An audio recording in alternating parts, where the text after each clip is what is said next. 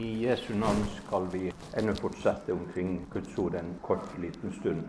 Det bibelsted som kom i mine tanker nå i uka som gikk, det angår egentlig primært de unge. Det er henta fra Salme 119. Vi leser vers 9 11. Ordene lyder i Jesu navn. Hvordan skal den unge holde sin sti ren? Beholde seg etter ditt ord. Jeg søker deg av hele mitt hjerte. La meg ikke fare vill ifra dine bud. I mitt hjerte har jeg gjemt ditt ord for at jeg ikke skal synde mot deg. Amen. Dette var ditt ord, Hellige Far. Hellige du oss i din sannhet. Ditt ord er evig sannhet. Amen. Hele teksten og hovedinnholdet fra forrige tale behandler jo egentlig mye av den samme sak. Guds ord som det sterkeste våpen som vi kan benytte for å seire over synd. Salme 119 er på mange måter meget spesiell. Den er Bibelens desidert lengste salme på hele 176 vers. Og alle de 22 bokstavene i det hebraiske alfabetet har fått åtte vers. Og Guds ord, eller Guds tora, som kan bety flere ting. Bety Guds lov eller Guds forskrifter og Guds bud og Guds ord. Ja, hele summen av hele Guds åpenbaring. For det er jo nettopp det det handler om. Det er beskrevet i 22 seksjoner. 22 ulike delkapitler i dette ene kapittel, kapittel 119. Og i alle av de her 22 delene så er Guds ord på en helt særegen måte lovprist og løfta frem som det største og det dyrebareste som finnes her på jord, med tanke på vår egen lykke og salighet. I første verset så stiller forfatteren et såkalt retorisk spørsmål. Hvordan skal en unge holde sin sti ren? Eller så kan man også si det at hvordan kan en ung bli bevart i troen som et Guds barn gjennom hele sin barndom, hele sin ungdom, hele sitt voksne liv og hele sin alderdom, sånn at uh, den får del i det evige livet hjemme hos Gud i himmelen? Jeg tenker at det spørsmålet har sikkert alle foreldre stilt i sitt hjerte, og kanskje også foreldrene har samtalt med hverandre. For tida har aldri vært god vi hørte jo da fra Jesu tid hvor frimodig fristen var for å forsøke å lokke til fall. Og som vi hørte at når kjælefienden djevelen vågde å på den måte gå løs på Jesus for å på en måte prøve hans bibelkjennskap, og hvordan han er bundet til å holde seg til Skriften, så må vi være klar over det at han våger det i alle fall i forhold til oss. Men nå er det jo ikke sånn at om vi har Guds ord, om vi har fått vår konfirmasjonsbibel, så vil ordet i seg sjøl oss. I gammel tid så kunne man ikke lese. Man hadde ikke skrevne bibel. Det gikk faktisk eh, mye over 1000 år sånn at foreldrene fortalte muntlig til sine barn.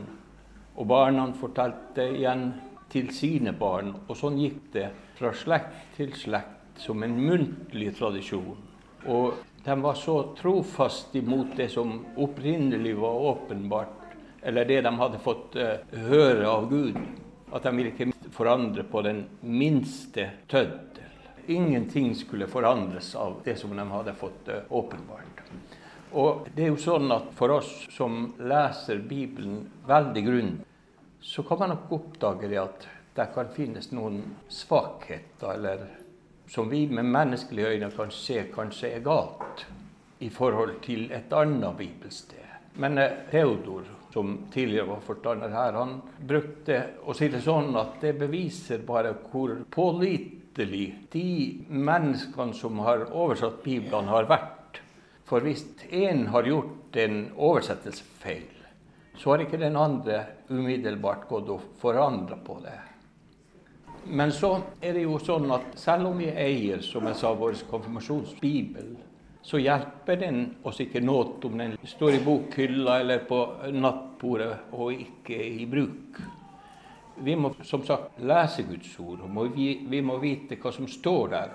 Og vi må kjenne til alle de løftene Gud har gitt. Jeg hørte i forrige uke Carl Fredrik Wisløff som talte over Guds løfter. Og løftene er det jo utallige mange av. Og han sier ordet 'løfte' egentlig på grunnspråket betyr Guds gavebrev. Og når Gud gir gaver, så er han ikke smålig. Han gir så det rekker. Og vi kan ikke få del i de gavebrev som han gir til oss, dersom ikke vi kjenner til hva de inneholder. Og da hjelper det kanskje ikke bare å eie sin konfirmasjons- eller sin ungdomsbibel. Og da hjelper det heller ikke bare å lese og studere. Men da må det gjerne være sånn som det var, som vi leser fra Lukas 24. kapittel, om Jesus overfor de to fra Emmausveien, at da åpnet han deres forstand så de kunne forstå Skriftene. Kristendommen er jo som sagt ikke en teori, det er en åpenbaringsreligion. Gud må åpenbare sine hemmeligheter for oss. Og når vi leser Salme 119 Ingen vet hvem som har skrevet den. Men helt tydelig det er at det er en, en gudsmann. En som kjente Gud, hans vilje. Ja, en som satte Guds ord utrolig høyt. Og som også sier det sånn at Gud har gitt sitt ord for at man nøye skal holde og gi akt på alle Guds ord og på alle Guds bud. Og jeg tenker det er viktig at vi har den respekten for Guds ord at vi, selv om vi ikke skjønner alt, så får vi sette tro til det. Og så får vi stole på at det Gud har sagt, det vil han også holde. Når barna er små, og kanskje også når barna blir rimelig store, så er det sånn at de er avhengig av at noen skal lære og undervise dem. Heldige er alle som har troende foreldre. Foreldre som setter pris på Guds ord og vet at det er livets ord det er det viktigste og dyrebareste som Gud kan gi og har gitt til oss. Det som er det viktigste bibelstedet, får vi si nesten i hele Gamle testamentet. Men ikke bare det. Også som Jesus sjøl sier til den rike ungdommen, hva er det største og det første bud? Da henviser han til 5. Mosebok 6. kapittel. Det som er Israels trosbekjennelse. Herren vår Gud, Herren er én. Og så går det ut på hvordan vi skal elske Herren vår Gud av hele vårt hjerte, av hele vår sjel og hele vår sinn, hele vår hud. Av hele oss sjøl er Guds vilje at vi skal elske Ham. Vel konstaterer vi nok til at vi har ikke et sånt hjerte og et sånt sinn at vi makter det, derfor at vi bærer på den forderva del. Men det er i alle fall Guds vilje. Og det er Guds ord, og det kan vi ikke gå forfalske eller liksom nedskrive verdien på. For Gud vil at vi skal høyakte Hans ord. Og når vi snubler og faller og angrer våre synder, så får vi selvfølgelig be om tilgivelse for det. Men her, her fra sjette verset her i 5. Mosebok sjette kapittel, så tales det ikke til barna, men da tales det til foreldrene. Og jeg tenker, hvis at vi som kristne har barn, og vi lar våre barn gå for lut og kaldt vann Vi bryr oss ikke om hvilke føde de tar til seg. Og kanskje nå i dag, i en tid som er mye verre enn når man levde på Mosetid, og den tid som apostlene levde på. Men den tida som vi lever nå, er mye verre på mange måter enn for kanskje 55-60 år siden, når jeg var barn. Derfor at i dag har på en måte fristen kommet utrolig mye nærmere. Tidligere så la fristen barn veldig ofte være i fred. Barna fikk være lov å være barn. Barna fikk leke med sitt barnslige og sin uskyldige lek. Og selv om de krangla og var uvenner en kort stund, så vet vi det at de er rimelig snart til å gå og be hverandre om unnskyldning og tilgivelse. Men i dag er liksom verden og alderen som Satan angriper barn og unge, kommet så mye lavere ned. Det vet vi når vi bare ser på smarttelefonene i dag, med alle mulighetene som finnes der. Selv om ikke vi har barn, så har vi jo barnebarn. Og da lærer man det noen ganger hvis man låner telefonen. Og så går man kanskje etterpå så kikker man på loggen, og så ser man hva har de egentlig sysla tida med. Så kan vi som besteforeldre, og sikkert dere foreldre også, bli ganske sjokkert.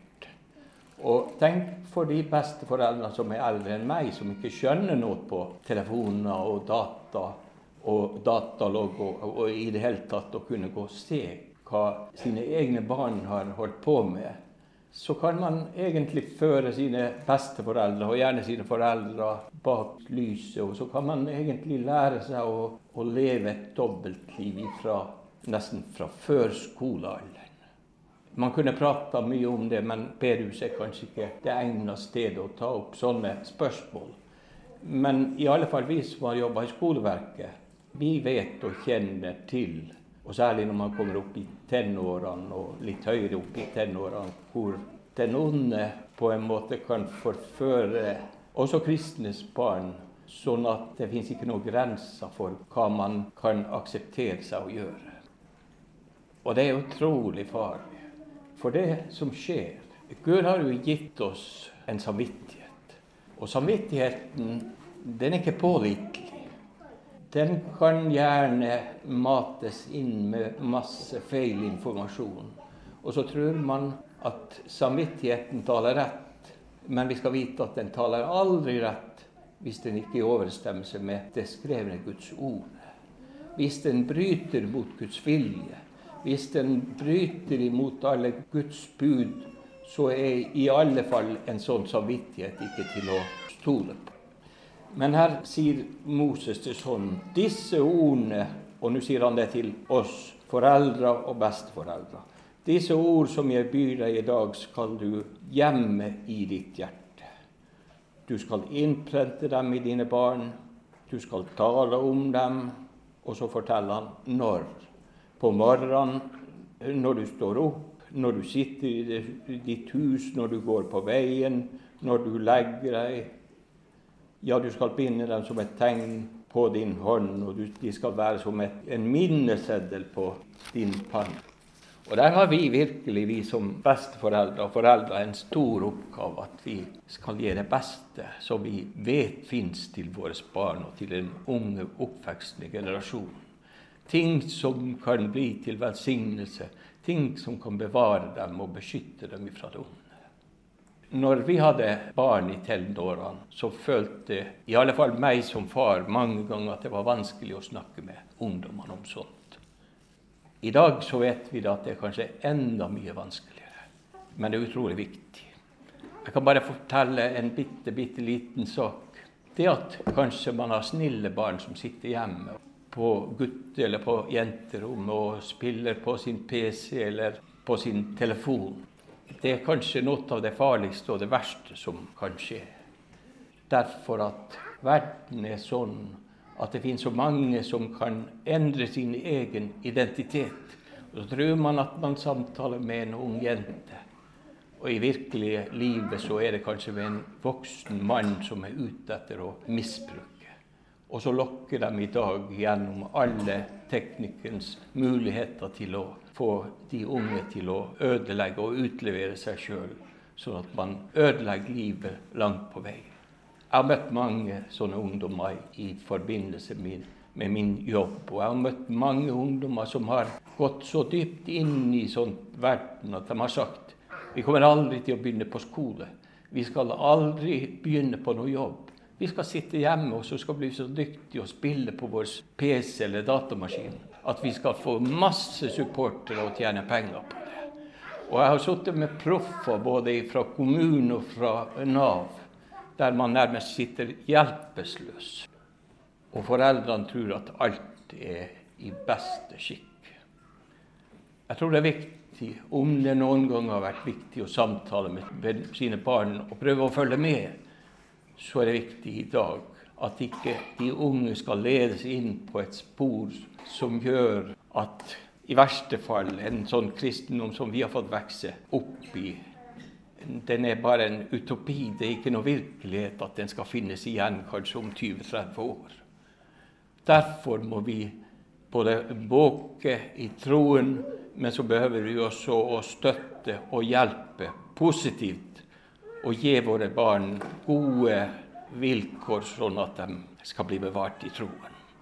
Jeg har lyst til å løfte frem et bitte lite eksempel fra Murmansk. Vi har reist ganske mange ganger der.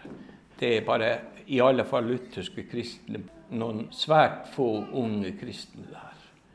Men det har vi sett mange av oss talere som har vært på det, fra Finland, Sverige og Norge, som har vært i lag der. Vi har sett at de har vært flinke i de menighetene til å lære for det første opp ungdommer til å kunne undervise barn og unge i grunnleggende katekisme og grunnleggende bibelhistorier. Og få interessen blant barn og unge som vokser opp, at de skulle få gode, sunne vaner.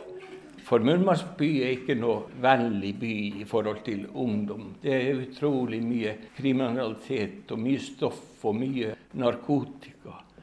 Men vi ser at når hjertet blir fast i Guds ord, når man gleder seg i Guds ord, når man samtaler og møtes omkring Guds ord og synger og ber og lovpriser Herren, så ser vi at dette ordet har en så utrolig effekt, og det kan beskytte vite hvilke farer som man enn lever i. Vi kunne gå til hustavlene. Nye testamentet inneholder jo hustavler. På søndagsskolen så går man jo gjennom hustavlene. Og hustavler taler også til oss som er foreldre. Og det tales ganske alvorlig, og spesielt til oss i menighetene som har noen form for lederroller. At en tingelse i det hele tatt for å kunne velges til sånne tjenester. Det leser vi i 1. Timoteus' brev, i alle fall et par plasser, pluss Efeserbrevet, sjette kapittel.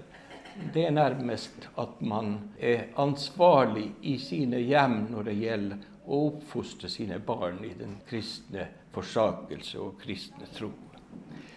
Men her i teksten her så kommer det også inn på barn og unges eget ansvar for å kunne holde sin sti ren. Vi hørte i foregående tale litt om det å bekjenne sine synder. Skriftemålet er én vei til å kunne gjøre sin samvittighet ren. Men Guds ord er også ment til å kunne beskytte oss, så vi ikke på nytt og på nytt faller nødvendigvis i alle de her unødvendige syndene. Salmisten han lovpriser Guds ord. Han holder, ved å holde seg til Guds ord det var én måte å kunne bevare sin sti ren. Det at jeg søker deg av hele mitt hjerte, ja, da skal heller ikke Gud tilstede det at man farer vill fra hans, hans bud. Når jeg tenker tilbake 60 år, når jeg var et barn i menigheten sånn som mange er nå i dag, da var det kanskje ikke foreldrene eller predikantene som egentlig man lytta mest til, og som man mest fulgte. Da var det kompisene. Avhengig av hvilke kompiser man hadde, så utvikla også vårt eget liv. Men, og jeg har nok sagt det noen ganger, at selv om jeg stort sett nesten bare hadde kristne venner Det var ingen hjelp av det, derfor at alle var like interessert i det verdslige. Sånn at alt bare dro seg unna. I ettertid kan jeg selvfølgelig si at det hadde vært fantastisk å kunne hatt et kristent barne- og ungdomsmiljø der kristne kunne få møtes, der kristne kunne få lov å stille spørsmål, kunne få lov å samtale og kunne i det hele tatt få lov å gråte og bekjenne det som kommer på samvittigheten, og på den måte styrkes og får vokse i troen. Kompisene er nesten de som bestemmer alt. Jeg har jobba ti år med ungdom i, i videregående skole. Ungdommer som enten er i ferd med å slutte, og som slutter på skolen, eller som i det hele tatt ikke har begynt på skolen. Og en trend som i alle fall jeg har sett, og den stemmer helt overens med min erfaring Kompisene betyr alt. Skal man søke skole, så søker man gjerne noe som, som en kompis gjør. Og spesielt om man er utbyrselev, derfor at man kanskje får gå i samme klasse, og man får bo på samme hybelhus eller bo i samme leilighet. Men jeg ser ikke så veldig mye forskjell der som man er også her fra lokale Alta. Og hvis en elev begynner å være mye borte og, og gå i korridorene, ja, da er det rimelig sikkert til at når en annen blir borte, så er det bare å gå ut. Og så søker man opp den ene, ja, da finner man den andre, og da finner man andre, mange andre kompiser. Og sånn er det bare. Og når den ene slutter, så går det ikke mange dager, så kommer den andre inn. Ja, jeg vurderer å slutte, jeg også. Og sånn er vi, vi menneskene. Vi er liksom veldig avhengige av hverandre.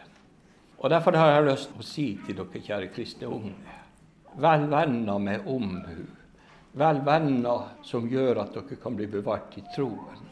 Vel venner som gjør at dere kan bli bedre kjent med Guds ord og mer grunnfesta i troen. For når det virkelig kommer prøvelser, når det virkelig kommer vanskeligheter, da behøver man de små kreftene som man kan mobilisere for å kunne si nei når fristen kommer. Livet er egentlig litt forunderlig. Noen av mine kollegaer har sagt barn fra den og den familien han kan uten tvil si hvordan det kommer til å gå med dem når de vokser opp på skolen. Hvilke typer problemer de kommer opp. Og han sier det slår nesten aldri feil. Og en ting jeg lærte i møte med den personen og andre, så stiller de spørsmål Kjenner du den og den navngitt personen? Ja da. Jo da, jeg kjenner den. Og på den måte så Og det er jo gjerne snakk om de som holder på med stoff, eller de som holder på med kriminalitet, eller det som er ulovlig. Og da er det sånn at velger man dårlige venner, det står det 'Si meg hvem du omgås, så skal jeg si deg hvem du er'. Jeg tenker at dere kjære unge forhåpentligvis har et håp om å kunne bli bevart, sånn som det her ble sagt i første verset, med en ren sti. I dag så sier vi kanskje på en annen måte. Når man benytter en telefon, digital eller smarttelefon i dag, eller en mobiltelefon som er nettoppkobla, så vet vi at det blir digitale spor. Og det går an å gå i en logg. Og i den loggen så kan man se alle våre bevegelser. Er man ute og søker på f.eks. en telefon som er i uka, så gikk det bare noen dager, så kom en reklame at den og den telefonen har man på tilbud derfra og derfra. I troslivet er det også sånn at vi legger bak et spor bak oss Tar vi et skritt, så er det et spor bak oss. Andre ser det kanskje ikke, og vi forsøker å glemme det. Men Gud ser alle spor og alle dårlige vaner og veier som vi går på livets vei her. Det er utrolig viktig at vi skulle leve sånn her livet. Om vi er barn, om vi er unge eller om vi er gammel. At vi har en Gud i himmelen som har et altseende øye vi har en Gud i himmelen som kommer til å stille deg og meg, oss alle, til regnskap for det vi har gjort, enten godt eller ondt. Derfor behøver vi å, å vandre i bønn fremover. Derfor behøver vi å vandre i varsomhet. Derfor behøver vi å vandre i ydmykhet og støtte og hjelpe hverandre, sånn at vi kunne bli bevart som kristne. Jeg vil jo si det sånn at vi er utrolig velsigna her i vår menighet. Vi har mye barn og mye unge. Selv om det er nå andretalen kanskje ikke sitter så mange, så er det jo førstetalen utrolig mange. Det er vår oppgave som forsamling og som voksne å ta vare på dere. Det er vår oppgave og ansvar å, å hjelpe og støtte dere som er barn og unge, sånn at dere skal bli vart i troen. Sånn har vi fått erfare som voksne at hadde vi ikke hatt en venn som er kristen, når vi møter sykdom, når vi møter død, når vi møter ut ulykke og vanskeligheter i livet, hvor godt er det ikke da når en kristen venn kommer og sier 'Jeg har tenkt på deg', har omsorg for hvordan du og hvordan dere har det hjemme hos dere akkurat nå', og vi ber for dere at dere skulle få krefter. Ja, det er sannelig godt å leve her når brødre og søstre får leve sammen. Når vi får bære hverandres byrder, og når vi får hjelpe og støtte hverandre. Og helt til sist, kjære unge, Jeg vil ikke på den måte reklamere overfor meg sjøl at dere får lov å komme og samtale med meg, men gjør det så gjerne. Det er bare glede. Uansett hvilke livskriser eller problemer dere enn har kommet i. Ta kontakt, send en mail, kom på kaffe eller kom og prat.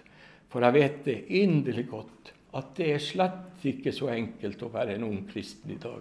Jeg vet at mange av dere sliter der i ensomheten.